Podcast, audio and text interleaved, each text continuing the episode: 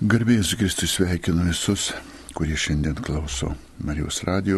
Dalyvausime, tarsimės, kalbėsimės pagal užduotus klausimus. Kiek galėdamas bandysiu atsakyti. Dabar iš einamų dalykų. Pirmoji žinutė yra, žinutė klausimas toksai, kalbam vakarinė, mano vyras kartais labai piktinasi ir prašo paaiškinti, kodėl dažnai girdimas, mano supratimu, tai apsalmė, jo supratimu žiaurus tekstas, maždaug esu įstumtas į duobę, atstumtas taip toliau. Lyg žengęs į duobę, kurį jau visai, kurį jau visai užmiršo ir panašiai. Jis nesupranta, kodėl skaitomas toks žiaurus tekstas per vakarinę maldą. Ačiū, jei paaiškinsite. Nes mano pasakymas, kad tai iš psalmi, kurių neišbrauksi iš švento rašto, jo netenkina. Na, visi liturginiai tekstai, kurie yra skaitomi bažnyčios vardu, bažnyčios intencija, jie yra parinkti atsižvelgiant į visas aplinkybės.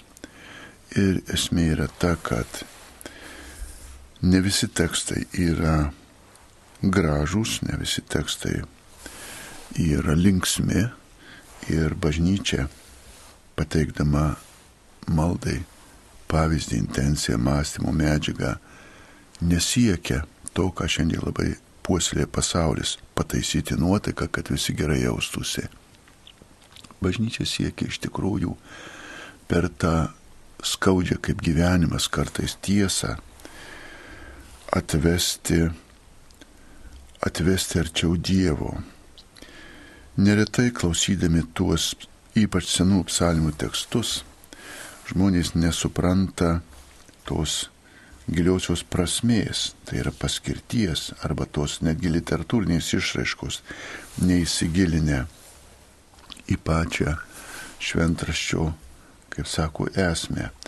Todėl, poniai Rozitai, norėčiau pasakyti, nesijauskite per daug atsakinga už vyro emocinę būseną, Jeigu jis mėgsta poeziją, jeigu jis mėgsta labai švelnius žodžius, jūs mielai galite jam paskaityti po to, po tų psalmų, ar kurias jis išgirdo, ar, ar pasimetė, ar užsigavo, galite paskaityti ką nors iš, iš poezijos rinkinėlių, galite savo eilėmis kalbėti ar gražiai žodžiais ir žodžiu tegu, tegu vyras jaučiasi ramiai. Kartai žmonės būna prastos vaizduotės, prastos nuotaikos ir, kai sako, prie to vieno ar kito teksto prideda savo. Tačiau atsakymas yra toksai, kad bažnyčia neužsideda pareigos gėdoti, šnekėti ar pataikauti, taisant nuotaiką, savijautą ar kažką toliau. O pateikia šventą raštą taip, kaip ir gyvenimą, didžiąją jo dalį pavyzdžių parašė pats gyvenimas, tokį, koks yra jeigu kalba apie duobę, jeigu kalba apie nelaisvę, tai turima minty ta gilesnė prasme. Tikroji nelaisvė yra nuodėmė vergyje, tikroji duobė yra pragaras, į kurią jau nepriklausomai mūsų nuotaikos turime bijoti įkristi, bijoti nusidėti, vengti ir neiti tuo keliu, kuris į tai veda. Tai manyčiau, kad šitame atsakymė daugiau yra jūsų bendravimo psichologijos ir tai visą pateikite tarpusavyje, ieškodami tos esminės, giluminės tiesos, išganimo minties, sąžinės, sąskaitos, kuri tinka vakare atlikti apie savo darbus. Ir tada, kaip sako, tos emocinės jausenos, jausminiai tie visi išgyvenimai, atrodymai nekliudys tuo sąžinės tiesos keliu eiti link Dievo. Tiek daug mitiguojančių ir politikuojančių, tiek mažai besimeldžiančių. E, rašoma, kad gerbiami kunigai kvieskite žmonės kasdien jungtis į nepaliaujamą rožinio maldą už taiką už Ukrainą. Galėtume reaguoti į tai. Taip kaip ir sako, melskitės kartu su bažnyčia, su bendruomenė, ta malda galingesnė. Labiausia, ko šiandien nereikia, tai tų dviejų dalykų, kuriais taip mėgsta spekuliuoti politikai, tai baimės ir pykčio. Visur, kur sklinda šitos gazdinančios prognozijos idėjos raginimai visur, kur sklinda, bet kokią formą skleidžiamos pykčio, keršto, keikimo prakiksmo, nuotaikos, tuo labiau katalikiškais kanalais jos nederančios yra. Mes pasitinktys Kristumi, mes turintys išganimo, dvasia ir prada, mes galime eiti vilties ir tikėjimo keliu, taip pat ir pasitikėjimo keliu. O kokie yra bažnyčios reikalavimai renkantis krikšto tėvus klausimą, jei tai šeima ar privalo turėti bažnyčios santoką? Renkantis krikšto tėvus reikalavimai yra paskelbti kiekvienos parapijos skelbimų lentose, žiniuose, paaiškis klebonas, kur ruoštis krikštyti. E, jeigu norite smulkiau, e, interneto žiūrint, puslapis gertrūdosbažnyčia.lt, dešinėje pusėje yra skirelis informacija dėl krikšto, ten surašyta viskupų nustatyti reikalavimai krikšto tėvams. E, dabar kokie jie yra, nemanau, kad čia reikia visiems dabar juos transliuoti. Tiesiog tai turi būti praktikuojantis doro gyvenimo, galimai pavyzdingas katalikas. Iš savo pusės norėčiau pasakyti, kad ypač dabartiniai šeimų birėjimo tas laikas ir mada, krikšto tėvų neretai būtinumas vis labiau iškyla šitoje situacijoje, kada praktiškai esame daugumoje situacijų ta betėvių vaikų tauta, tai taip patėviai, įtėviai, antrailė, trečiailė situacija, poskyrybinė. Ir aš labai džiaugsmingai pastebiu, kad toj viskupų, sakyčiau, griežta politika dėl krikštatėvių duoda savo rezultatus. Kada va ir iš paskutinių pokalbių susidūriau su tą situaciją, kad po skirybų keli vaikai reiškia ir džiaugiasi, kad va šito krikšto tėvas, sen berniukas bendrauja, žiūri, katalikiška šeima, augina savo vaikus, savo šeimą. Ir iš tikrųjų tie krikšto tėvų krikšto tėvų pavyzdys ir veikla įgauna tą ypatingą liudėjimo misiją tai šeimai, kuri dvasinė prasme yra nukentėjus dėl skirybų, dėl kažkokių šeimos problemų. Todėl į krikšto tėvus dar kartą gražinu į puslapį Gertrūdos bažnyčią lt dešiniai pusėje informacija dėl krikšto yra nustatyti reikalavimai, trumpai pasakant, krikštyta 16 metų, jeigu šeimoje ėmė šliūbą, jeigu jau pilnametis sutvirtintas, praktikuojantis pavyzdingas katalikas. Toliau kitas klausimas, koks skirtumas tarp tikėjimų Kijevo ir Maskvos. Nežinau tokių tikėjimų ir nežinau tokių bažnyčių, Kievo ar Maskvos bažnyčios. Vartokim teisingus terminus ir kai atvirai sakant, net klausimą nesugebėt užduoti ir painiot žodžius, tai gal tiesiog grįžkite prie savo šito keturių žodžių klausimų ir, ir įvardykite teisingai tokių tikėjimų arba religijų Kijevo ar Maskvos ar Berlyno ar, ar Vilniaus nėra kuo jūs ten įtikėjot, nu tai pasitikrinkit, į kurią čia bažnyčią atsisukot. Šitą bažnyčią tokio tikėjimo mes nenagrinėjom. Kokį požiūrį ir elgsiną į situaciją dėl karo Ukraino gali turėti katalikas? Katalikas gali turėti katalikišką požiūrį ir taip kaip ir visus dalykus, nesantikas, vaidus ir, ir neramumus, katalikiškas požiūris yra taikingas išmintingas, kantrus, su viltimi ir tikėjimu. Jeigu mes laikysime, laikysimės taikingos pozicijos, taikingų pažiūrų, tai visų pirma vengsimės pasiduoti vienos ar, kities, vienos ar kitos šalies pjudytojams, nes visos karo arenos, karo zonos pasidarina į tam tikras interesų zonas ir siekia žmonių, sąmonių žmonių interesų užvaldymo įvairiomis metodikomis. Todėl e, norėčiau grįžti prie popiežiaus Pranciškaus žodžių, kuris pasitiko tuos mūsų jau turėtus išbandymus čia dėl tos e, virusų visos situacijos, tos lygos tapusios politika, jis labai gerai pasakė pačioj pradžioje. Daug yra išbandymų ir krizių pasaulyje, taip pat ir su šita. Netaip svarbu, kokie mes įeisime į ją, svarbu, kokiais mes iš jos išeisime. Ir jis turėjo mintyje, kiek mes šventesni, išmintingesni, labiau atsidavę, tai artimo ir Dievo meilį išeisime iš, iš to išbandymo. Čia taip pat yra išbandymas visiems ir katalikams šitąją prasme yra klausimas, kokiais išeisim, riekaujančiais, keikiančiais, kai sako, be išminties, be taikos ar atvirkščiai. Ramus išmintingi pasitinkitys Dievu, artimo žmogaus gerumu, taikingumu. Va būtent tas, tas savybės reikia puoselėti, kad mes iš tikrųjų išeitume šventesni ir stipresnių tikėjimų.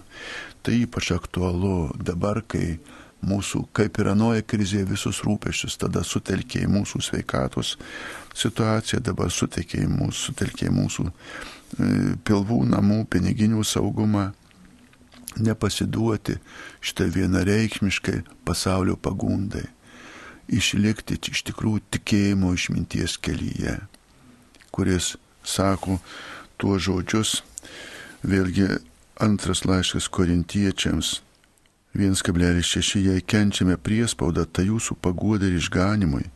Jei esame godžiami, tai jūsų paguodai, kurį įdėgia jums ištvermė, pakesti tokius pačius kentėjimus, kuriuos mes kenčiame. Taigi ir su kenčiančiais vienydamiesi mes iš tikrųjų turėtume sustiprėti ir būti paguosti, nes mūsų Dievas, mūsų didysis kentėtojas ir gelbėtojas per kančią atneša sutaikinimą. Vėlgi laiškas Jokūbo 1,34 supraskite, jūsų tikėjimo išmėginimas gimdo ištvermė, o ištvermė subręsta darbuose, kad jūs būtumėte tobuli subrendę ir nieko nestokokite. Taigi, brangieji, toje dvasioje, tikėjimo dvasioje mes ir priimame šias pozicijas, šį gyvenimo tikrovę, kuri tikrai yra pakankamai ir aštri, ir sunki, ir sudėtinga. Toliau, jeigu vienas jaunas tikintysis užsikrečia ir miršta, o kitas netikintysis ilgai ir sėkmingai gyvena, galime pamanyti, kad tikėjimas yra beprasmiška ir tuščia tradicija. Galima pamatyti, pamanyti ir dar kitaip, jeigu kažkas galvoja ir sugalvoja, kad ras tokį tikėjimą ar tokį netikėjimą, kur iš vis nemirs, tai tada galima vėl kažką išvedžioti. Visi mes mirštame, visi ir užsikrėtę ir neužsikrėtę numirsime. Kaip sako, mūsų kiekvieno mirtis jau paruošta ir laukia, atėjo per pirmų tėvų nuodėmę ir taip toliau. Todėl mes mirsime. O nuo ko ir kaip?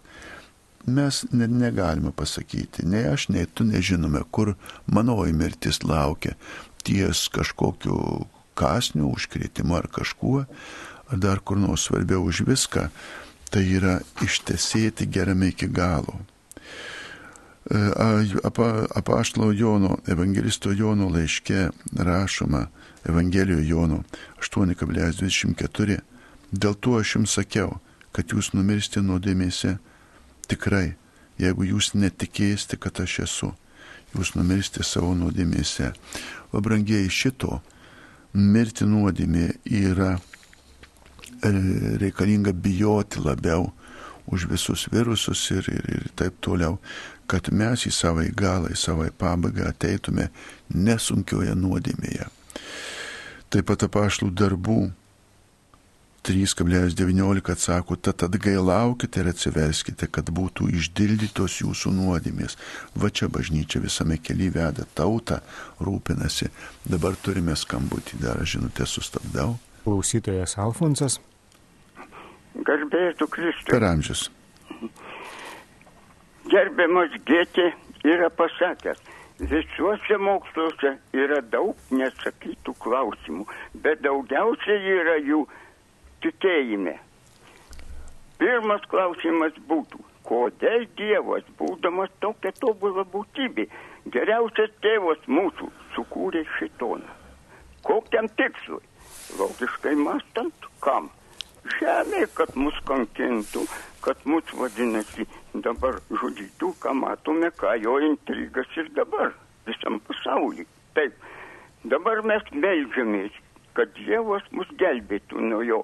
Ar Dievas išklauso? Paklausykim, žinom, kaip Kristus meldėsi, prašė Dievą, Dieve, atitolink mane nuo to šitono, nuo tų kančių, nuo tų paniekinimų. Ne, sako, sūnau, kad turi iškentėti viską. Ir Dievas ir Kristus sutiko su šituo. Buvo paniekintas, išniekintas, nukonkintas ir net, kaip sakoma, nužudytas. Taip. Dabar mes mes. Truputį paprašysiu trumpiau, dar turi seriją žinučių, eikit prie klausimų. Tikime, kad Dievas mūsų išklausys. Jeigu tokia Dievo valia, gal užtenka pasakyti, Dieve, mes pažįstam tave, pasitikim, te būna tavo valia. Kokia ta kokia ta šitono galybė čia žemėje.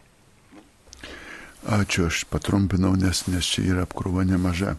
E, pirmiausiai noriu ištaisyti vieną iš, e, vieną iš šitų teiginių klaidingą. Dievas nesukūrė šitono, Dievas sukūrė angelus. Šitono Dievas nekūrė, bet angelam davė tokią laisvę, kad jie galėjo pasirinkti nuo to blogėrio iki blogio. Kai kurie tai padarė ir pavirto tą angelų priešingybę, kurį mes vadiname šitonu. Per nuodėmę, per visų pirma šią angelų nuodėmę pasipriešinimą Dievui,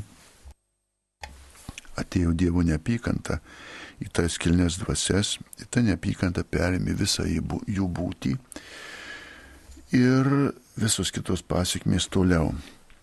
Tačiau ir tai Dievas pramatė, kad atbaigė savoje kūrybą, jisai savo teisingumu išdėsys viską į vietas ir tuos, kurie yra teisūs Dievo šventumo akivaizdoje, jis išgelbės ir nuo šitono ir numirties. O mums šiandien reikia laikytis apreiškimo knygos antras skyrius dešimtą eilutį. Būk ištikimas iki mirties ir aš tau duosiu gyvenimo vainiką tada mums neatsitiks kaip tiem puolusiems angelams. Jie nebuvo ištikimi ir prarado gyvenimo vainiką, garbę ir džiaugsmą. Tolesnės pasiekmės, kaip sklinda ta nuodėmė, per mūsų neištikimybę Dievui, per mūsų pasipriešinimą, kad sako, ne, ne, jo įstatymam, jo meiliai, jo, jo tvarkai, taip pat ateina tas pat, kas atėjo šitonai - kančia, mirtis, kurią paveldime, tačiau turime ir išgelbėtoją. Į visus ir daugumą klausimų, kodėl Dievas tai padarė. Mes už Dievą negalim pilnai suprasti, atsakyti, kodėl jis tai padarė, tačiau pasitikime ir tikime juo dėl to, kad Dievas myli, dėl to, kad jo meilė visą gali, dėl to, kad jis gailestingas ir tai meilė visą galę, jisai ir išgelbės tuos, kurie pakliuvo į šitono ar nuodėmės nelaisvę. Tik tai reikia likti tuo tikėjimo ištikimybėje. Čia dar būtų Jokūbo laiškas pirmas skyrius 3,4. Supraskite, jūsų tikėjimo išmėginimas gimdo ištvermę, o ištvermė subręsta darbuose, kad jūs taptumėte tobuli, subrendę ir nieko nestokotumėte dvasinė prasme. Va šito keliu mes ir einame ir turime eiti. Toliau klausimas, kodėl pagal biblinį raštą žemė nustojo būti plokščia, o Dievas tapo ne tik žydų, bet ir visų žmonių, ne tik žydų, bet ir visų žmonių Dievu. Na, visų pirma, plokščiai apveli ar trikampa čia gal galima fantazuoti. Mokslas ir patirtis rodo, e, kad taip manyti yra klaida, žemė nėra plokščia O Dievas ne tik žydų, bet ir visų žmonių Dievas, todėl kad Jis yra viešpats visiems kūriniams. Tas pats Dievas yra ne tik tai žmonių Dievas, bet Jis yra visos kūrinijos Dievas. Ir de, netgi tos kūrinijos dalies, kurios mes nematome čia žemėje, nepažįstame. Dvasinės dalies, kuri, manau, yra žymiai didesnė už tą materialinę dalį. Galima tą prasme sakyti, jis yra viso pasaulio viešpats. Ir mes jį suvokiame ir išreiškime kaip Dievas, šio žodžio kilmė yra atskira. Tačiau šitas dalymas, ar žydų, ar graikų, ar romėnų, ar italų, ar prancūzų, Dievas, na, reikėtų tiesiog transliuoti į normalesnę išraišką, tai yra Dievas yra kiekvienoje religijoje. Kokia religija, koks Dievo supratimas toje religijoje, toks yra ir Dievas. Tačiau mes, kurie priimame krikščionybę šiandien, mūsų Dievas yra vienas trijuose asmenyse. Dievas tėvas, sūnus iš šventoji dvasia, kurie trys asmenys vienoje prigimtyje veikia tobulą vienatvę ir asmeninius santykius su visais savo kūriniais. Vėlgi, bažnyčiose, bažnytinėse bendruomenėse atsiskyrusiuose nuo visiškos bendrystės su katalikų bažnyčia galima aptikti, aptikti daug pašventinimo tiesos elementų. Visos šitos gerybės taip pat, kaip ir visos gėris, keila iš viešpaties, iš Dievo, iš galų galę Kristaus gailestingumo ir net tuo netiesioginiu keliu gali atvesti prie Dievo. Neretai būna, kad iš kitų religijų atsiverčia į tikrai tikėjimą, sugrįžta į tikrai tikėjimą arba atvirkščiai nuplaukia į kitas sektas kažkur tai, kur mažiau yra tiesos pilnatvės. Mes turime pilną prieškimą ir pilną Dievo buvimą sakramentinėse malonėse ir formose. Taigi pagal šitais pagal šitais nuostatas laikykitės to, kad Dievas yra visų viešpas, jo nepavydėkite, o visiems to tikro esančio linkėkite. Kita žinutė - garbėsiu Kristui labai tikinti ir brangų žmogų palaidom lygiai po vienos paros nuo mirties ir karantinas čia nekaltas, ar labai nusikaltom. Du metai kasdien vis graužiuosi. Violeta. Trumpai pasakysiu, palaidot ir palikite į žemėje, neusimkite šitais žaidimais kapstinėtis po tuos mirusius, kaip ten palaidom, kaip ten padėjom. Jeigu tikrai jis buvo miręs, palaidot negyvą, o, o jeigu jūs gyvoji, tai eikite su gyvaisiais, su gyvaisiais tie, kurie ir po mirties gyvena Dievuje, galbūt skaistykloje laukia pagalbos, galbūt danguje dalina mums malonės, kai jau prašome. Eikite, žiūrėkite į priekį, kokia jūsų gyvenimo užduotis laukia ir neusimkite tą tuščią graužatimi. Kiek čia tas e, žmogaus palaikai gulėjo po, po mūsų šviesom lemputėm ar fotografais ar gilėjim, kiek jis te po žemė, vienai par kiti ir kitaip žiūrint, ar jūs dieną pridėsit čia ant stalų tam laikomam palaikams, ar jūs sumažinsit, vis tiek jam didžiausią laiko dalį reikės pragulėti po žemę taip, kad prie tų šimtmečių ir tūkstantmečių iki pasaulio pabaigos, kol prisikels, viena ar kita diena to, to šarvojimo nieko ten neįsprendžia. Mm, daugiau žiūrėkite į tą gyvųjų pasaulį, tiek po mirties gyvenančių, tiek čia žemėje. Vėl pabandau, kaip priimam komuniją už save ir galim paukoti už mirusius, ar galima tik už vieną mirusį ar už kelis trakai trakams atsakymas galima aukoti ir už visus mirusiuosius, ir apibendrintomis intencijomis už giminės, šeimos, artimųjų, draugų, geradarių, mirusių vėlės. Labai man imponuoja tokia intencija, patinka už tų geradarių, kuriems aš nepadėkojau. Yra mirusių tikrai mūsų ta dėkingumo skola. Neužmirskite ir šitą variantą, kad daug gal net yra žmonių mūsų gyvenime, kurie mums padarė gero ir mes nežinom jų vardų, pavardžių ir taip toliau. Ir jiems liko nepadėkota, jie gal jau mirė.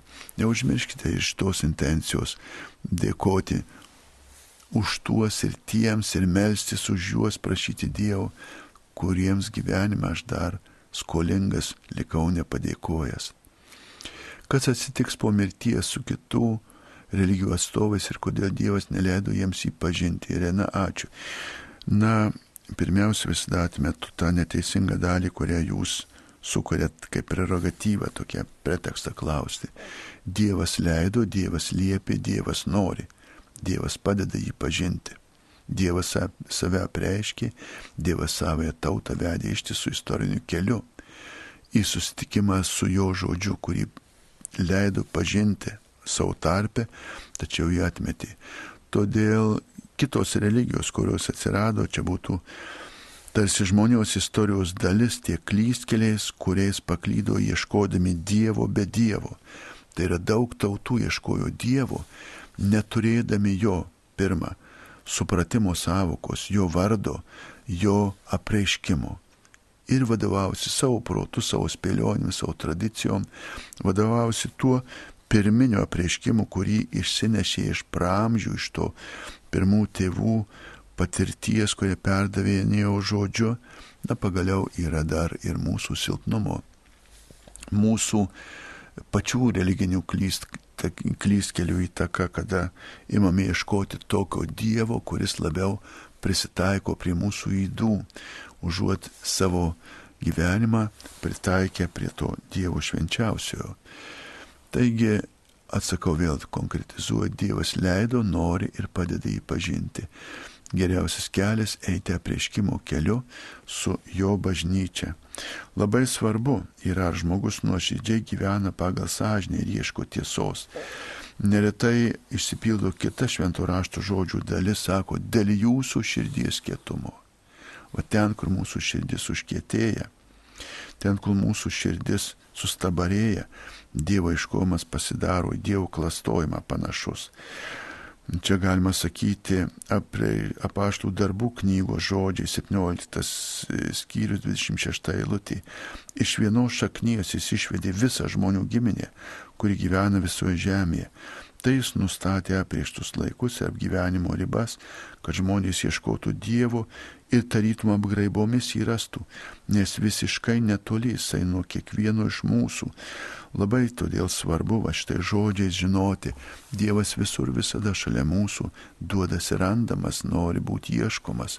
Ieškokime tyrą sąžinę. Dažnai pirmiau neieškoti Dievo, reikia apsivalyti pačiam nes tikrai tokį šventą dalyką, tokį šventą atradimą priimti, purvinę sąžinę suklastotų gyvenimo, būna neįmanoma, reikia jį perkonstruoti. Todėl Dievo paieškose lygiai grečiai turi eiti ryštas ir noras susitikimui, atsivertimui į jį. Kitas žinutė. Sveiki, kodėl Litanijoje, o ir kitur Marija vadinama motina sutvėrėjo. Jau sutvėrėjas, juk sutvėrėjas yra Dievas tėvas, pagarbiai Aldona. Kodėl vadinama, reikėtų jums čia nagrinėti tais Marinės teologijos enciklikas, apraiška, istorija dėl tų vardų etimologijos. Visų pirma, reikia atminti, kad mes turime lietų kalbą, kuri vertimo požiūrį gana nelengva kalba. Ir turime graikiškus, lotyniškus tekstus e, šventame rašte, kurie taip pat yra versti iš dar senesnės kalbos. Tad pati šitų išraiškų etimologija reikalauja gilesnio jos pažinimo. Dabar Marijos vadinimas vienokio ar kitokio, norėčiau pasakyti vardu pavadinimu, čia yra sena teologinė diskusija nuo 3-4 amžiaus ar Jonų, Nestorijonų erezijos ją palydėjo, kada iš tikrųjų žmogui yra labai sunku suprasti Kristaus vieną gimystę iš tėvo Dievo ir tą savoką tarp skirtumą tarp žodžių Marija yra Dievo motina, Marija yra Dievo gimdytoja. Ten buvo visa seka, trečiame ketvirtame amžiuje tų erezijų, kad žmogus tiesiog nesuprato. Vieni klydo sakydami, ten vienus teiginius, kad Marija pagimdė tik kūną, e, jis turėjo tik žmogaus dvasę, Dievas tarsi sutartį padarė, du viename reiškia, Dievas žmoguje ir taip toliau. Tokiu būdu lyg susitarė, veikia iš vien ir ten įvairių tų teorijų. Šita tema plati teologinė reikėtų iš tikrųjų atskiros, gal net paskaitos, galbūt drįščiau siūlyti, prašykite Marijos radio redakciją, kad gilesniam Marinės teologinius pažinimui skirtų specialią temą ir tuos klausimus atsakytų. Kadangi čia, kaip dar kartą kartoju, susiduria ir 3-4 amžiaus erezijos, ir atsikartoja kai kurios islamo, paskui raidoje ten požiūriai į Kristaus tą dievystę, taip pat naujai pasikartoja 15-16 amžiuje protestantizmo tas ginčas dėl Marijos, dėl Jėzaus dieviškumo, Marijos motiniškumo. Manyčiau, kad aš čia neišskleisiu paskaitos, tačiau galite prašyti Marijos radijos platesnio aiškinimo Marijos tema. Ties čia sustoju. Garbėsiu Kristui. Gerbiamas kunigėlį, norėčiau paklausti, ar yra išpažintis kituose tikėjimuose, pavyzdžiui, literonų, evangelijos, stačiatikų, proslavin, hinduizmų, pagarbiai, ramūnį. Kartingos rajonas adresą pasakė, bet laiškų nerašysiu, net neturėsiu kada. Išpažintis kaip tokia yra visada ir visur, kai mes išpažįstame ką nors. Tai vadinasi išpažinimai. Tai vadinasi išpažinimai ir tu gali išpažinti, gali išpažinti savo nuodėmės, savo, savo gerus darbus, savo žinias išpažįstam, atsiskaitom, atsakome per pamoką, tačiau sakramentinė išpažintis, kurioje Kristus sakramentaliai teikdamas visagalė atleidimo malonė atleidžia, garantuotai atleidžia nuodėmės, yra tik tai tose krikščionių bažnyčiose, kurios turi teisėtą kunigystę ir teisėtus pilnus visus sakramentus. E, dabar kalbant apie protestantus, jie nepripažįsta išpažinties kaip sakramento, dauguma jų sektų taip pat, tačiau ten yra kiti teiginiai apie tą gailesčio ženklą, apie tą gailesčio visą vertę Todėl atsakau sakramentinė išpažintis, kuri tikrai ir garantuotai atleidžia nuodėmis ir paliudė atleidimą, yra tose bažnyčiose, kurios turi tikrą kunigystę ir turi tą apaštalų siuntimą. Tie, kurie jau neturi pašventintų kunigų, tik tai išrinktus e, kulto tarnautojus ir panašiai, tie, kurie turi tik tai savo tais religijas iš vis be Kristaus, čia visai jų daugybė yra, tenai sakramentinės išpažinties nėra ir negali būti. Tačiau noriu kartu pridurti, kad Dievo gailestingumas yra toksai, kad jis atleidžia ir kitatikiui, jeigu jis nuoširdžiai gailisi už nuodėmės. Tik tai, kad negauna, negali gauti to sakramentinio tikrumo jūsų nuodėmės atleistos, gali spėlioti, jau atleido, dar netleido, jau atleis. Todėl tikrai geriausias kelias eiti į patį šaltinį, į gailestingumą į Jėzų Kristų ir priimti tą jo sakramentinę malonę. Dar norėčiau sugrįžti dėl mergelės Marijos, nurodyti į e, internetą puslapį straipsnį Marijos litanė, ką reiškia mergelės titulai. Bernardinai.lt, ten gal jums nereiks nelaukti tos paskaitos. Bernardinai.lt yra puikus straipsnis Marijos litanė, ką reiškia mergelės titulai. Ten galėsite paskaityti apie visus tuos įvardyjimus. Toliau dirstelsime. Jei sekmadienį dalyvauju šventose mišiuose dieną ir vakare, skliausteliuose prievolį, bandau suprasti, ką čia parašė. Ar galime abu kartus priimti šventą komuniją skirtingomis intencijomis, ar geriau nereikia? Atsakymas čia turbūt jau dažnai ir dažnai kartuojamas, pabandykite įsiminti. Kiekvienose šventose mišiuose, kuriuose tu pilnai dalyvauji, gali priimti šventą komuniją, jeigu esi jai pasirengęs. Komunijos prieimimo ir aukomo intencija gali būti bet kuri gera intencija tau pasirinkta skirtingos ar tos pačios, ar, ar įvairios, ar kitokios, visiškai laisvai tu gerą dalyką aukoji dar geresniam dalykui. Gerą dalyką tau aukoji dar ir už kitus. Kaip atsitiko, kad bažnyčia valdo vyrai, apie tai rašome šventuose raštuose, ačiū. Bažnyčia valdo ir veda šventoji dvasia. Bažnyčios vadas yra Dievo sūnus Jėzus Kristus ir jis pasirinko tai tarnystei, tai įpėdinystei ir bažnyčios vedimui kunigystės lygmenyje vyrus, kodėl ir kaip ir ką atsitiko taip todėl, kad Kristus iš visų savo pasirinkimų aiškiai parodė, tarp visų jo pasirinktų, pašventintų ir siūstų tarnauti tautoms, apaštalų buvo vyrai. Ir jis tai pats padarė, nusprendė. Kodėl, kaip, ar apie tai rašoma šventuose raštuose. Skaitykite šventus raštus ir rasite vieną po kito išrenka apaštalus, vieną po kito, vieno po kito renka jiems e, įpėdinius mokinius. Jeigu norite daugiau, atsiprašau, daugiau pasigilinti, skaitykite, prašau, popiežiaus Pauliaus VI encikliką Celibatus sacerdotalis apie katalikišką celibatą, kodėl, pridursime, tie vyrai nevedė, kodėl jie atskirti, kodėl jie tik vyrai ir taip toliau. Nemažai bažnyčios raštuose to parašyta ir dar kartą grįžtų bažnyčia valdo ir veda. Šventoji dvasia, jos galva yra Jėzus Kristus, jo pasirinkimas buvo apaštalai, kurie buvo visi vyrai. Ir į visus kodėl ir čia ir kitur, kai mes kalbame apie Dievą, jo išreiškimą, jo sprendimus ir norime mes žmonės pabandyti išmanyti, tiesiog priimkime tą didžiąją dalį Dievo išminties, kuris apžvelgia ir laikus, ir amžinybę. Ties čia sustosiu yra skambutis. Angelė Žemaitijos.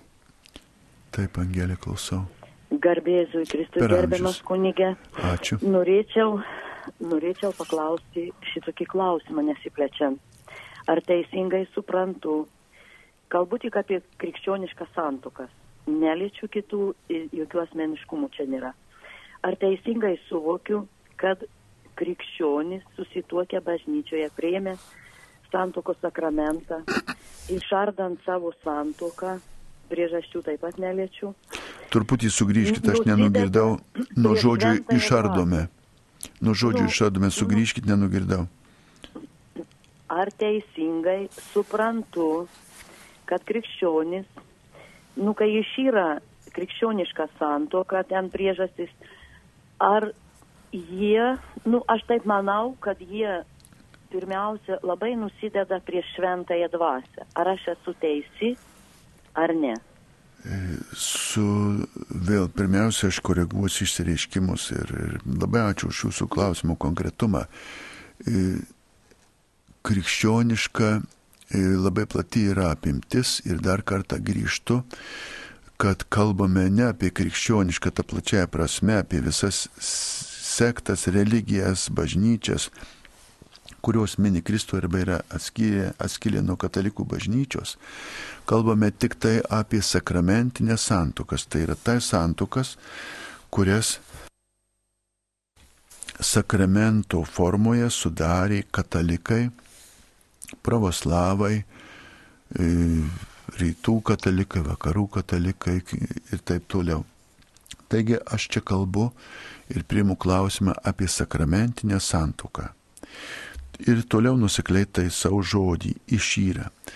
Kartą teisėtai sudaryta ar pavartota santuoka niekada neišyra, jos niekas negali išardyti, iš, iš, iš, ištrinti ir panašiai. Ji yra neišardoma.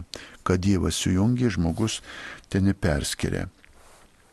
Todėl kalbame apie iširusią šeimą, arba kalbame apie vadinamasis, neretai žmonės painioja bažnytinės skirybas. Ne, kaip tokių bažnytinių skirybų nėra.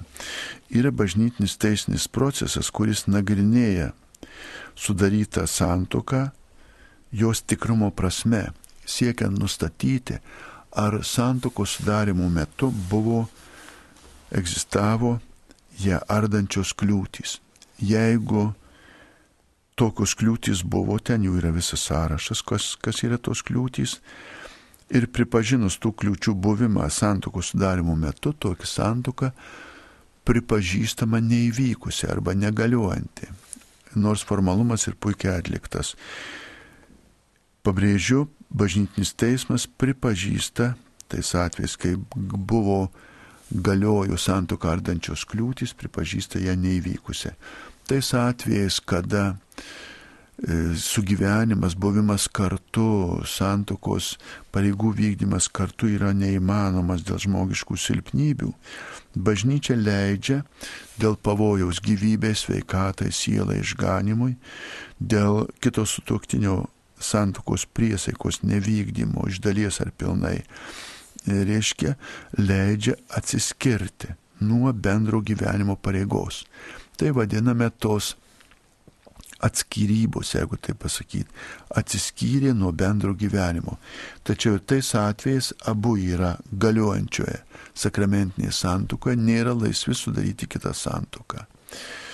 Dabar tais atvejais, kada mes turime tais labai gausias ir labai dažnai lengvabūdiškas pasaulietinės skirybas, teismų skirybas, kada šeimos teisiškai, valstybiškai išsiskiria ir paskui pradeda ieškoti, kodėl bažnyčia jų nepaleidžia. Dar kartą sakau, teistai sudaryti ar pavartota santuoka jie neišvar, neišardoma.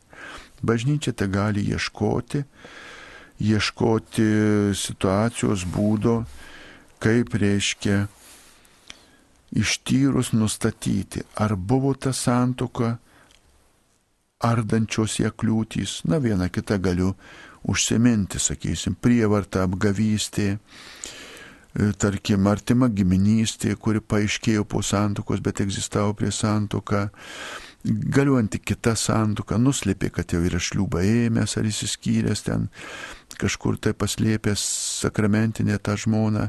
Va tokiais atvejais neįmanoma sudaryti antros santokos. Ir bažnyčia pripažįsta, kad santokos nebuvo. Kitas klausimas. Gyvenu kartu su draugu nesusituokusi, tačiau ruošimės susituokti. Ar galime eiti iš pažinties ir gauti išrišimą? Ne, gyvenant susidėjus ir ruošiantis santokai, planuojant ar galvojant vieno pagalvojimo apie santoką, nuodėmės situacija, artimos nuodėmės situacija neišnyksta ir praktikuoti sakramentinę išpažintį ir komuniją negalima. Jeigu norite eiti išpažintis ir gauti išrišimą, privalote atsisakyti, atsisakyti nuodėmingos praktikos, tai yra to sugyvenimo sanguliavimo kartu be šliūbo, kaip katalikų yra nuodėmė, nesukurti nesukurti artimo pavojaus mirtinai nuodėmė, nepiktinti kitų, ir galėsite eiti iš panties komunijos. Va, sutvarkykite pirmą šitą e, labai priešingą išpažinčiai, labai priešingą sakramentiniai praktikai, gyvenimo būdą, gyventi sunkioje nuodėmė ir, atlikus išpanti komuniją vėl grįžti, kad nusidėčiau. Sutvarkykite į tą tvarką, kuri yra natūrali ir normali katalikui. Yra sužadėtuvės, draugystė, meilė, susipažinimas, išsilaikant skaistybėje ir tai tikrai tokia draugystė meilė, skaisti meilė nėra kliūtis eiti iš pažinties komunijos. Tačiau tas gyvenimas anguliaujant ir yra nuodėmės kliūtis, pasilikimas nuodėmės būklėje, nuodėmės būklėje. Galime eiti tuo atveju, kada tu jau pasirengiai santokai, priimsi šliūbą, eini prie santokinės išpažinties. Tai yra, tu jau apsisprendėjai gyventi šventai, nenuodėmėje, eini atsilieki išpažinti ir jau pasiryšti. Pasiryšti po išpažinties iki to šliūbo vėl laikyti skaistumo, nenusidėti ir nenuodėmės būklę priimti santokos sakramentą. Visada prie šito dalyko priduriu, kad santokos sakramentų metu galėsite priimti komuniją tuo atveju, jeigu po prieš santukinės išpažinties iki šliūbo nepadarėte sunkios nuodėmės. Tai reiškia, jeigu ten pasitaiko nusidėti dažnai, tai aš sakau paprastai, eik iš pažinties prieš 2-3 valandas iki šliūbo. Jeigu susilaikysi daugiau, eik dieną 2-3. Jeigu nesusilaikai, tai tada eik prieš pat atėjęs, sakai, paprastai noriu atsilikti išpantį. Gali kunigas priimti ir raštinį, ir, ir, ir atėjus į Zakristiją išklausyti išpantį, nebūtent ten su visom tom gražiausiam suknelėm brautis į klausyklą, visą tai galima sutvarkyti su viena sąlyga, kad bus po išpažinties einama arba prie altoriaus arba į šventumą, o negrįžtama, kad nusidėti. Ar pikto vyro prakeiksmas veikia tikinti žmogų, kaip elgtis? Kaip elgtis pikto, na dažniausiai pikto pra, prakeiksmų taip toliau. Brangieji, pasitikėkite Dievu. Labai dažnai visi šitie ezoteriniai veikėjai, visi raganavimo, mm, visokios ten metodai, metodikos, prakeikimas, užkeikimas, taip toliau, taip toliau, mus gazdina. Taip, tai šitono darbas mus gazinti pragaru, pragaro gale, pykčio gale, jo apraiškomis, tačiau mes prieš pastatome, prieš pastatome tikėjimą ir pasitikėjimą Dievu. Nėra nei tokio pykčio, nei tokio pragaro, bieso ar viso velnyno, kuris būtų galingesnis už Dievą. Galiu netgi pasakyti savo nuomonę, atsiprašau, savo nuomonę. Visas pragaras dieną ir naktį labiau negu kvėpuoti keikia, keikia pirmiausiai save, paskui kitus, paskui visus ir viską, savo neapykantoje gyvendami. Todėl, kai išlenda pyktis ir prakeiksmas ir tampa žmogaus žodžiais, ar vyro, ar moters, ar nedaug dievio vaiko žodžiais, tai iš, išlenda tarsi liepsnelė iš pragaro. Aš norėčiau linkėti, kad visais tais atvejais supraskit, na va, jau kai sako, bieso kudlos liepsnoja, dabar žiūrėk, kad mano plaukai neužsidegtų. Tai laikykitės tos išminties ir tos katalikiškos elgsenos, kad nuo pykčio neužsidegtumėte pykčiu daug dievė laikytis išminties. Palaimintasis Jurgis Matulaitis labai gražiai šitą klausimą įsprendė.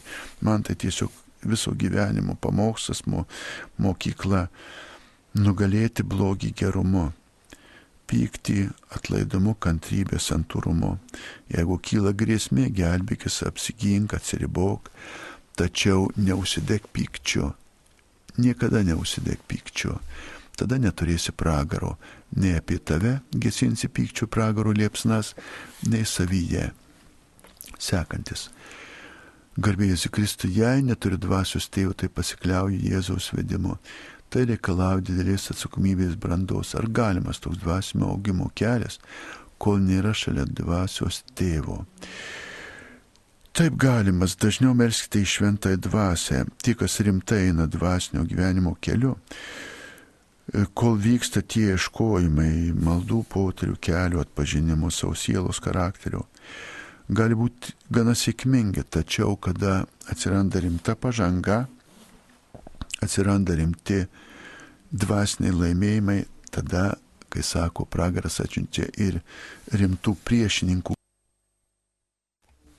Ir į tuos išvalytus namus ateina daugiau negu septynios dvasios. Tada atsiranda pavojus suklysti, užsidaryti savyje, Dievo vardu kalbėti savo, visa kita, visa kita bėdų eilė, pavojų eilė.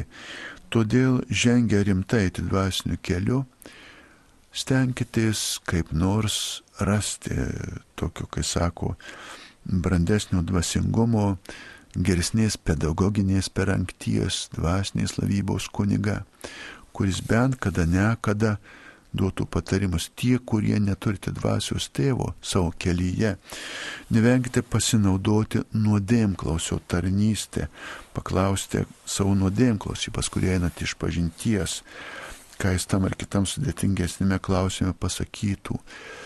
Visada, kai sako geriau, daugiau galvų, daugiau proto, tada tikrai bent jau tokių akivaizdžių klaidų išvengsime. Kita žinutė Ar galime melstis Dievę, ar galime taip melstis? Didžiai gerbiamas kunigė, ar galima taip melstis Dievę, tu atitinkamai čia valstybių vadovus įvardina, nubausk. Ar galima, ar tam žmogui bausmės? Aš, brangieji, dar kartą grįžtu prie to, ką šito ir visose laidose kartosiu.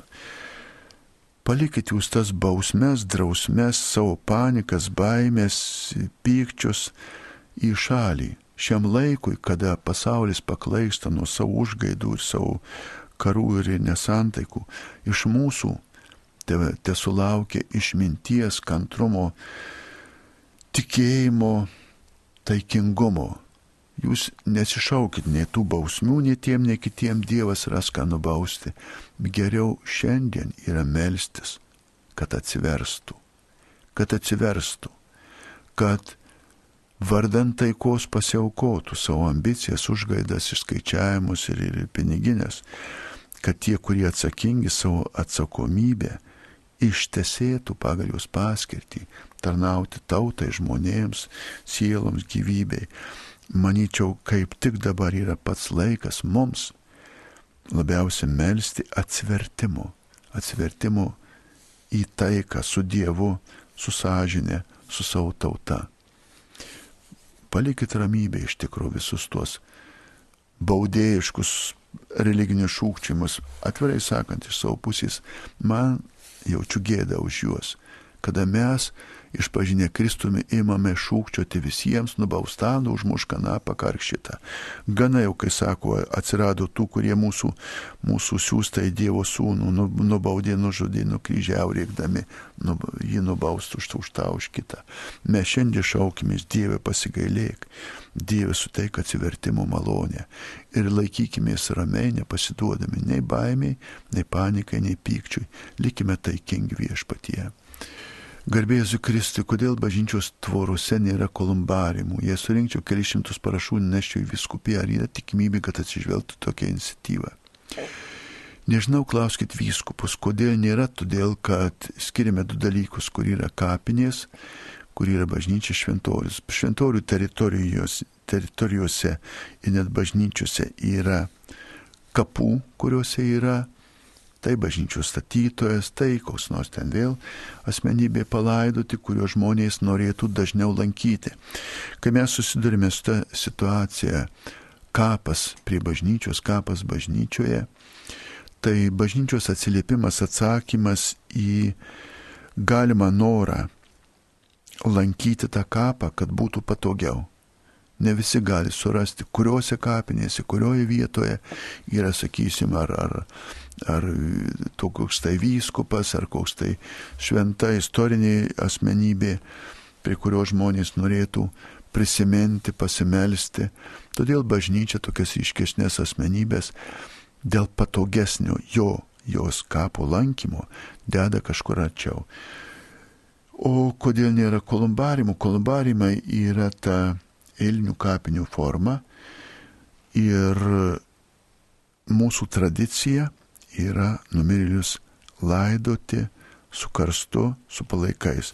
Tai, kad atėjo dabar šitą deginimo mada, manau, brangieji, kad jinai irgi laikina, ji yra kol kas tik toleruojama bažnyčios dėl kai kurių aplinkybių ir kad tai nėra pagrindinė mūsų laidomo tradicija. Todėl, čia mano spėlionė, nekalbu už vyskupus, todėl dėl šių priežasčių ir kitų priežasčių tos kapinių formos kolumbariumų pavydalė bažnyčia kol kas nepuoselėt, pakenčia ir akivaizdu, kad nenori į savo tvoras ir sienas susikelti kapines. Bet e, galutinai klauskite, kreipkitės į savo perkleboną ar tiesiogiai vyskupą. Jeigu norite rinkti šimtus parašų, galite žaisti šitą žaidimą, tačiau galite pirmiausiai išsiaiškinti, ar yra perspektyva šitą situaciją spręsti su jūsų parašais. Viskupai paprastai vadovaujasi nespaudimu įtaką ar bandymu juos paveikti, kartais jie priešinasi antikrikščioniškai įtakai iki kankinystės, rūpindamėsi tautos, dievo tautos dvasinė gerovė. Tad parašų įspūdis jiems bus nedidelis. Jūs geriau pabandykite argumentuoti, dėl kokių dvasinių motyvų reikėtų tai daryti. Jeigu jūs parodysite rimtus dvasinius motyvus, tikrai viskupai atsižvelgs, pasitars ir kažką tai spręs. Garbėsiu Kristui, gerb kunigėlį. Taip, sekundėlė, ne ta. Kokiamis progomis gėdama suplikacija, šventas Dieve, šventas galingasis. Ar būtų galima girdėti ją per Marijos radiją? E, tie bendri viešieji gėdojimai, kurie e, šitos giesmės e, titulė ar kitų giesmių titulė yra privalomai gėdami, jie nustatyti bažnyčios liturginiuose nuorodose, nustatyti bažnyčios liturginėme kalendoriume ir būtent tos progos yra tinkamas, tinkamos. Aš jų dabar nevardysiu, liturginė ne, ne, nepertransliuosiu, kad nesuklyščiau datos ar valandos, bet tų progų yra ne viena. Šventas Dieve Dievo garbinimo, šitoj malda dažnai gėdama kai kuriuose iškilmingose pamaldose, kurie garbinam švenčiausias sakramentas. Ar būtų galima girdėti ją per Marijos radiją? Mintis gera, noras kilnus ir šventas, kreipkitės į Marijos radijo vadovybę ir jeigu čia yra kažkokia tai užsakomų religinių giesmių ar pagėdavimų koncertas ar kas, manau, kad jie įtrauks ir pagėdos. Aš tiksliai taip smulkiai jų veiklos nežinau, bet ką norite girdėti per Marijos radiją, adresuokite čia visą laiką transliuoju jų telefonus, jų, jų kontaktus ir duokit pasiūlymus, labai mielai atsiliepia. Jie formuoja programas, aš negaliu šito atsakyti už šito radio vadovus. Anksčiau žmonės gavėnios metu pasninkaudavo 40 dienų. Kaip tą daryti? Gal ir dabar galim tą daryti intencija būtų išminties ir meilės valstybių vadovams. Pragiai pastinkauti galima visų metų ir visais laikais, kai turime kilnę tam intenciją, daryti atgalą už savo ir kitų nuodėmės. Tie trys didieji ramšiai, ant kurių pelnoma daugybė Dievo malonių, tai yra pastinkas, keturi didieji ramšiai pastinkas, malda, išmalda ir geri darbai arba atgaila. Visa tai įeina ir galite tai daryti. Gavinios metu mes ir dabar turime pasninkauti ir bažnyčia ragina visą gavinę pasninkauti susilaikant nuo triukšmingų pram, pramogų, festivalių, nuo kažkokio tai šventimo, siautimo, e, susilaikyti nuo visokių ten pasaulio triukšmingų vilionių, pastebėkite, mes kartais matome, kad kaip per gavėnę paskelbė kokį ten džiazo koncertą, futbolo rungtynėse, ten vėl ką nors, visi mūsų krikštytieji pasninkautai suplūsta staugia reikia nesavais balsais. Tai labai toli nuo, nuo rimties ir išminties. Pasninkauti galima įvairiais būdais ir 40 ir 50 dienų, o šiaip pasakysiu, kaip vienuolis, tinka pasninkauti visą gyvenimą susilaikant visų pirma nuo pavojingų malonumų vedančių į nuodėmę, nuo bereikalingų malonumų, išblaškančių, atitraukančių mus, mus nuo dvasinio gyvenimo. Tai šita pasninko forma iš tikrųjų turėtų lydėti kiekvieną išmintingą krikščionį kataliką, kad mes parodintim pasauliui tą gilų dvasinio teisingumo pagrindą, Dievui pripažindami, jog visa yra jo, visa yra jam ir visa yra dėl jo tuo pačiu kiekvienu apsimarinimu, kuklesniu maistu, kuklesniu rūbu, saikingesniu gyvenimu, mm, gedresniu noru pasidalinti su kitais, kažkokia tai išmalda. Tuo pasidalinimu atimdami nuo savęs parodome, paukodami Dievui, kad tu esi viešpas, tik tu vienas turi teisę turėti viską. Ir šiandienė toji pasaulio dvasia čia man dabar iš karto viską tuoj duokit. Yra iš esmės priešinga tai pasninko dvasiai. Pasninkų mes Dievo liudime, tai tau viešpatie, visas gyrius, visa garbė, visa, ką aš turiu, yra tavo ir visa tai, ką veikiu, stengiuosi veikti dėl tavęs, kad įvykdyčiau tavo valią, tavo meilę išpildyčiau. Dar kartą garbėjus Kristui, grįžtam prie mikrofono, Marijos radio laida, klaus drąsiai. Kaip reaguojate į Vokietijos senodo rezoliucijas, kurios prieštrauja bažnyčios moky, mokymui? Asmeniškai e, nei už, nei prieš, nei su, nei po e, šitam lygyje dirba viskupai ir viskupai, e, katalikų bažnyčios viskupai, teikia savo ganomiesiems, savo parapijams, savo, savo kunigams, tikintiesiems reikalingus atsakymus, mokymo, doktrinos elementus. Ir pagal tai, ką gauname, tai atsakome klusnumu, darbščių liudijimu ir nuoširdžių aiškinimu. Bažnyčios mokymų tampa ne kurios nors susirinkimo nuomonės ar pareiškimai, bažnyčios mokymų tampa tai, ką katalikų bažnyčia popiežiaus asmenyje visos bažnyčios susirinkimo vardu paskelbė kaip doktrina. Va, kai tuos dalykus paskelbs, kaip mūsų tikėjimo dalį, tada mes ir reaguosim, skelbdami ir liudyti toliau. Kol kas katalikų bažnyčia e, savo skelbimų šių klausimų, doktrinos klausimų, doktrinos lygį nėra padariusi. Ar malda naudinga tik pačiam žmogui, ar Dievas gali išgirsti visų žmonių maldas? Malda naudinga dvasinė prasme, aš kalbu, tam, kuris meldžiasi, tiems, už kuriuos meldžiasi ir taip pat visai bažnyčiai, nes esame bendruomenėje su visa bažnyčia. Todėl iš karto šiais trims keliais pasipila Dievo malonės. Ar Dievas gali išgirsti visų žmonių maldas? Taip gali visų žmonių maldas visose situacijose. Garbėjus Kristui, kurio auka vertingesnė su meilė ar su išskaičiavimu. Auka vertingesnė ta, kuri turi didesnę vertę. Tai jeigu mes kalbam apie vertę, tai reikia kalbėti, kokiu mastu matuojame. Nežinau, kuo jūs matuosite meilę pinigais, skaičiais, kilogramais, kaip išskaičiuoti meilę. Tris kartus per minutę ar šimtą kartų per sekundę. Tiesiog nepainikim žodžių. Jeigu yra skaičiavimas, tai yra biznis, jį ir skaičiuokite tais mastais, tais daiktais, kuriuos jūs ten tas vertybės kilnojate. Jeigu melžiate pinigų, tai bus malda jums turbūt vertinga tiek, kiek išmelsit pinigų. Jeigu melžiame dvasinių dalykų, tai žodis įskaičiavimas čia yra sunkiai suvokiamas, eina kiti žodžiai - tikėjimas ir pasitikėjimas. Vertingesnė toji malda, kuri yra nuoširdesnė Gerbės kunigė Kestutė, ačiū už pačius, ačiū man komplimentai, ačiū, ačiū. Geriesiems už gerus linkėjimus visada dėkoju visiems, kurie palaiko mano kunigystės kelią maldoje. Čia krūva gražių linkėjimų, varžausi aš juos skaityti. Merskite, kad mano tarnystė būtų toliau sėkminga, ištikima, darbšti ir uoli. Visą laiką gyvenu dvasia, jeigu stovi žiūrėk, kad nenupultum, visada gali paslysti ir šitą pavojų taip pat jaučiu. Tie, kurie melžiasi už mane, palaiko ir mano kunigystė, esu jam labai dėkingas. Garbės, kai dalyvaujant šintose mišiuose, einant šintos komunijos, reikia žegnotis. Ne, šintų mišių liturgijoje tie, kurie žegnos, ypač duodant komuniją kunigui, ko ne per rankas uždaužė, taip nedarykite. Žegnojamės mišiuose du kartus Tai yra pradedant šventų mišių auką ir baigiant, kada priimame palaiminimą. Kitų dalykų neįdėkite.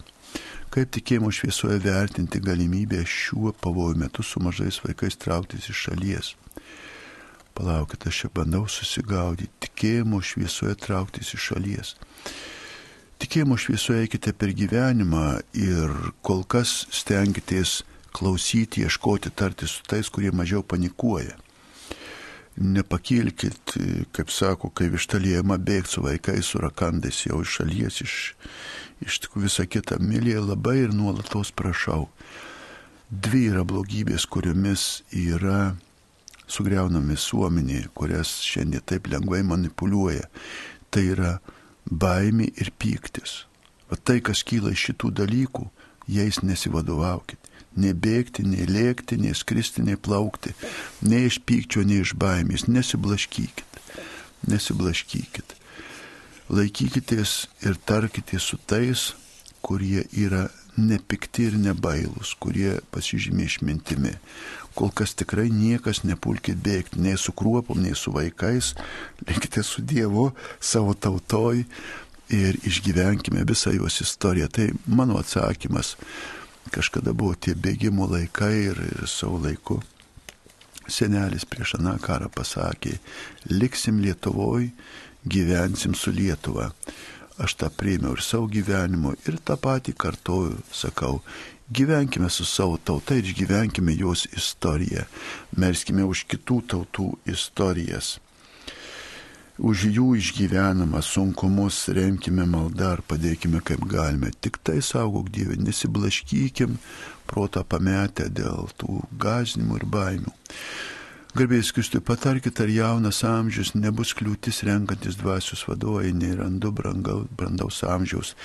Čia plati yra tema ir aš labai norėčiau, bet dėl minučių, kurios tiksi, man jau tuo reiks bėgti į šventas mišes, pasakysiu bendrą taisyklę.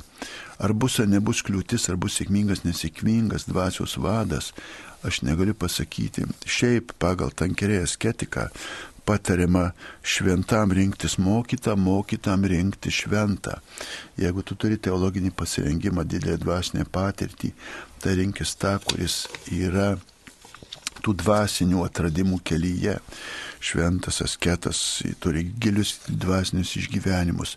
Jeigu tu pats gyveni gilų religinį gyvenimą, tai yra pavojus nuklysti į tą asmeninį sektantizmą, imti tikėti, kai jau Dievas pradeda tik man kalbėti į savo religiją, tada rinkis mokytą, paaiškis, kur klaidos, tikėjimo klaidos. Noriu paklausti, ar gali močiutį kalbėti egzorcistinės maldas už šeimą. Galbėti maldas, kurias patvirtinus yra bažnyčia, gali, tik tai ji neįgaliota, kalba savo geros valios, savo dvasios gale.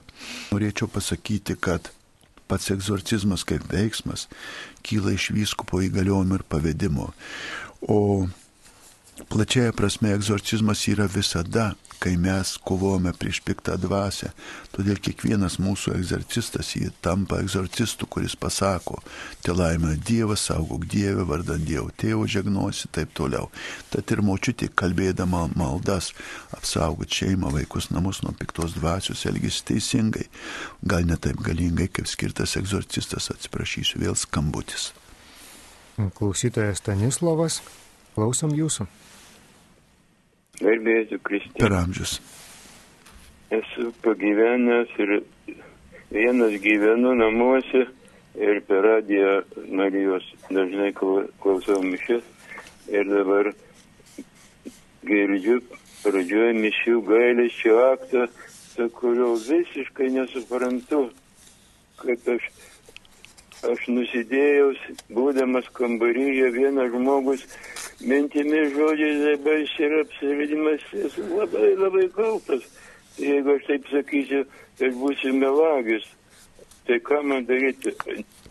Nie, nieko nekalbėti. Ar, tai, ar tos mišos susiskaitysi, jeigu aš nekalbėsiu, kad aš ir visi žmonės, ir kunigas, ir visi nusidėjėliai baisus.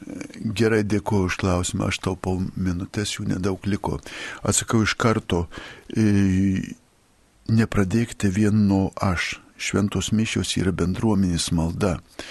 Ir mes kiekvienas savojų aš dalyvavome visos bažnyčios maldoje, Eucharistinėje maldoje. Todėl ištardami aš, ištardami gailestį mes sakome ne tik už save, bet ir už kitus. Ir bažnyčia, parengdama šventų mišių liturgiją, ją parengi kaip bendruomeninė liturgija. Todėl jeigu tu nenusidėjai, tai džiaugis ir rūpinkis, kad ir nenusidėtum, bet kartu kaip tauta bendruomenė, parapijos bendruomenė, vienuolynų bendruomenė, seminarijos taip toliau, toje bendruomenės maldoje melsk ir už kitus. Ir prie Dievo geriausia pradžia kelias yra atsivertimas ir atgaila, todėl ir pradame mišes nuo atgailos. Bet atsiminkite, kad juk melžtis mišiuose ne tik už save, už savo aš, bet ir už visą bendruomenę ir su bendruomenė. Toliau. Garbėjus Kristų ir nuodėmė mylėti žmogų per atstumą myliu, tarnaujantį yra kera šiam pačius gražiausius žodžius. Taip, graži romantika, taip, palaikyti sunką tarnybą, karo zonai. Aš sakau, nežinau kiek kartų, mylėti nenuodėmė. Mylėti nenuodėmė, ištvirkauti yra nuodėmė. Jeigu meilė tyra, skaisti, dvasinga ar net šventa, mylėkite. Aš irgi daug dievė, kad su meilė patarnaučiau kiekvienam ir kad spėčiau įsimylėti kiekvieną, kuris dar tik atidaro mano duris į mano rašnę ar bažnyčią. Neįsivaizduoju tos nei kunigiškos, nei žmogiškos tarnystės įgyti gyvenimo be meilės. Todėl atsakau, ar nuodėmė mylėti ar ne. Nuodėmė yra geisti, Nuodėmė yra skatinti lytinius dalykus, neteisti nesantokoj. Toj srity yra nuodėmės, o meilė nuodėmės nėra. pagaliau meilės viršūnė, meilė, kada perauga į draugystę. Pas Kristus sako, aš jūs draugais vadinu. Mūsų iš tikrųjų meilės perspektyva, kad jauktų į draugystę. Todėl tyra meilė, skaisti meilė, šventa meilė tikrai nenuodėmė. Ir e, jinai yra tikrai geras dalykas. Kita, kas tikrina kunigų išpažinčių atlikimą. Visų pirma, tie, kurie ruošia, e, jeigu kunigas daro klaidas ir, ir, ir ta prasme, netikrina, ką jis kalba, kurio išpažinti, ką sakė, bet vyksta reguliarūs kunigų formavimo susirinkimai, kursai, paskaitos, kas mėnesį viskupijoje, kas mėnesį dekanate, vyksta kunigų, kas penkiametiniai rengimo, patobulinimo, te papildymo kursai, taip pat kunigai savo susirinkimuose tokius kazuistinius variantus irgi lavindami savo moralinės, teo, teisinės teologijos žinias, nagrinėja, sprendžia ir susidūrė praktikoje. E, tai įvykdo, jeigu atsiranda akivaizdžių teisinių pažindimų išpažintyse, tai skundai pasiekia vyskupą, vyskupas skiria nagrinėjimo formą metodą tam skundui ir kunigas tikrai privalo atsakyti į teologinės, į teisinės tas insinuacijas. Tačiau niekada nei jaus kunigas, nei vyskupas šituose atsakymuose, tyrimuose nepanaudoja išpažinties medžiagos. Tai yra nepasako, tas sakė tą, šitas sakė šitą. Visada sprendžiama teoriškai, kaip būtų sakoma, atsakoma, jeigu tokia situacija, tokia nuodėmė ir taip toliau. Kokiais argumentais galiu remtis, norint parodyti nelabai tikinčiam, bet neprieškam tikėjimui vyrui, iki santykių, lytinių santykių įdingumą mums kaip žmonėms, kame konkrečiai yra blogis. Šitą temą aš e, negaliu išplėsti, liko kelios minutės. Čia yra e, enciklikose bažnyčios familiaris konsorcium, sutoktinių bendruomeniai, šeimos bendruomeniai. Yra kelios bažnyčios enciklikos apie šeimą, o prieš, prieš santukinę lytinę santykiai yra blogis dėl to, kad tai yra nuodėmė. Ir koks skirtumas tarp to, kad nusideda žmogus neketinantis tuoktis ir ketinantis tuoktis. Teisiškai ir moraliai, moraliai jokio. Nevedusiam žmogui draudžiama savo ar kitam bet kokiu būdu sužadinti ar patenkinti lytinę aistrą. Štai dėl to tai yra blogis, nes tai yra nuodėmė. O vedusiam tai draudžiama daryti ne santokoje, o Taip pat santoka draudžiama neleisnės būdais saugantis neštumo. Tada irgi tampa nuodėmi. Pats tas blogis daug galima sakyti, rašyti, daug galima kalbėti. Čia mes netilpsim į šitos laidos formatą. Tačiau visada popiežiaus Jono Pauliaus antro labai graži ta išvystyta idėja, kai meilė tampa dovana santokoje, norime gauti tą dovaną iš tyro širdies, tą dovaną nesuglamžytą, nesutryptą, nepažemintą ir nenuvalkiutą, padovanoti save kitam, kad už tai gautume taip pat tokią patyrą dovaną. Visas tas e, seksualinių galių eksploatavimas, naudojimas pasitenkinimui iki santokos, tai yra lygiai tas pats, kaip nori nuvežti gimtadienio tortą, nunešti ir įteikti ir tu neiškesdamas sakai, ką man pakenks, jeigu aš čia porą šaukštų jų atkabysiu. Ir neretai ta kelionė iki santokos būna tokia, su tokiu dideliu šaukštu, kad į santoką ateina išsekę, įseikvoja, nusealinė, degradavę savo dvasinių gyvenimo ir paskui žiūri, kad nesigauna. Pasaulis ima mokytis, kaip čia stimuliuoti, palaikyti, smarkiau, drąsiau. Bragina, gal tai paprastai, kai jūs atsigrėžti link vyro, link moters su tais santokiniais ketinimais. Visų pirma, pakelkite akis į dangų, Dievas siunčia dovaną, siunčia link tavęs kitą žmogų, kuris tave ketina mylėti, kuris ketina tau save padovanoti, ne tik kūną, bet ir sielą, kuriai tęs tą amžiną meilę iki begalybės.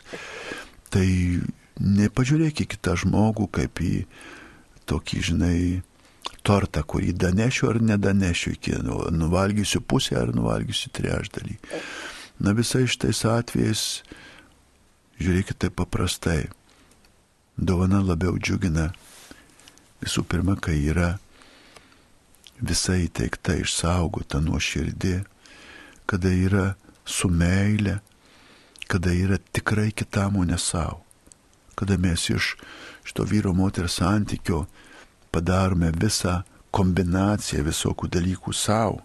Ir tasai toks savęs dabojimas, žiūrėjimas, kiek aš savo atsikabinsiu, ar aš čia pasitenkinsiu, ar jau nenusibos, ar čia va šitas bus geriausias, gal dar skanesnių rasiu. Na, mes klajuojam tikrai kaip ta jaunystė, aš pavadyčiau, ypač to sekso kultūroje, kur visur eskaluojama tasai seksualinio panaudojimo elementas žmogaus meilės, vyro meilės, moters meilės santykėje. Vis dėlto turėtų gražinti mus prie dovanos kultūros, prie to supratimo, kokią dovaną aš atnešu. Nuograužą, likutį, defektą, broką ar atmatą, kurio nuo visų atliko. Ar aš atnešu save kaip tokį. Gražiai sako Rabindranatas Tagori, skaistumas, lobis sukrautas meilės pertekliaus. Čia aš tik apibūdinu su Tagorė, dėl to, kad bažnyčia dar daugiau šitame pasako. Vėl kartoju, tas trigubas skaistumas pagal katekizmą, tas ir kūno, ir sielos, ir dvasios skaistumas, visa tai iš tikrųjų gražiai išreiškia Rabindranatas Tagorį. Skaistumas yra lobis, sukrautas meilės pertekliaus. Pamastykite apie tuos žodžius eidami atsigrėždami vyras link moters, moteris link vyro, atsigrėžkite su šita mintimi, ar jau yra tas meilės perteklius, kad aš ryštuosi, galiu, sugebu, pajėgiu išsaugoti save kitam ir kitą išsaugoti savo meiliai, nepanaudojimui, nepasitenkinimui, kuris šiandien, ko nesakyčiau, virš visko iškyla, ar aš būsiu patenkintas, ar aš pajausiu libido malonumą ir taip toliau. Iš tikrųjų, ar aš išgyvensiu meilę iki Dievo, ar aš išgyvensiu meilę iki Dievo su tavimi, ar aš jau subrendau tokiai meiliai, kad tu man atiduotum savo visą meilę. Daugelis šiandien sprendžia meilės klausimą to poreikiu gauti. Jūs nemažiau spręskite, ar yra ką duoti, ar tu subrendai dovanoti meilę. Kartu su viskuo, nes būtent santukoje į meilę jau sutarpa viskas, visas gyvenimas. Na pasakysiu, sustoju prieš to klausimo dėl techninių aplinkybių, turiu grįžti prie altoriaus, turiu mišias, mano laikas eina į pabaigą. Sustoju prieš to klausimo, nes tikrai Daugeliu atveju, kada dirbu su jaunomis poromis, kada priminėjau sužadėtinius, daugeliu atveju tai, ką čia sakiau, tai matau savo akimis, kada ateina du pavargę vienas nuo kito, išnaudoja, panaudoja ir sunaudoja turbūt beveik viską, ką ten galima išskelti iš, iš to kūnelio. Na ir dar ir susituoksim. Dabar dar paimsim šliūbą. Ir kartais ateina, žinote, toj pora, tokių dar pamatau, kurie šviečia, linksta vienas prie kito, kurie mažiausiais tai ženkliukais, kuriuos stebiu, duoda tą magneto efektą. Magnetą vaizduoja tokia sulenkta pasaga, šiaurinis pietinis polius, tai aš kartais įsivaizduoju jų toj magneto pasaga toks stiprus magnetas, kad tiesiog lenkia tą plieną, lenkia tą kūną vienas link kito.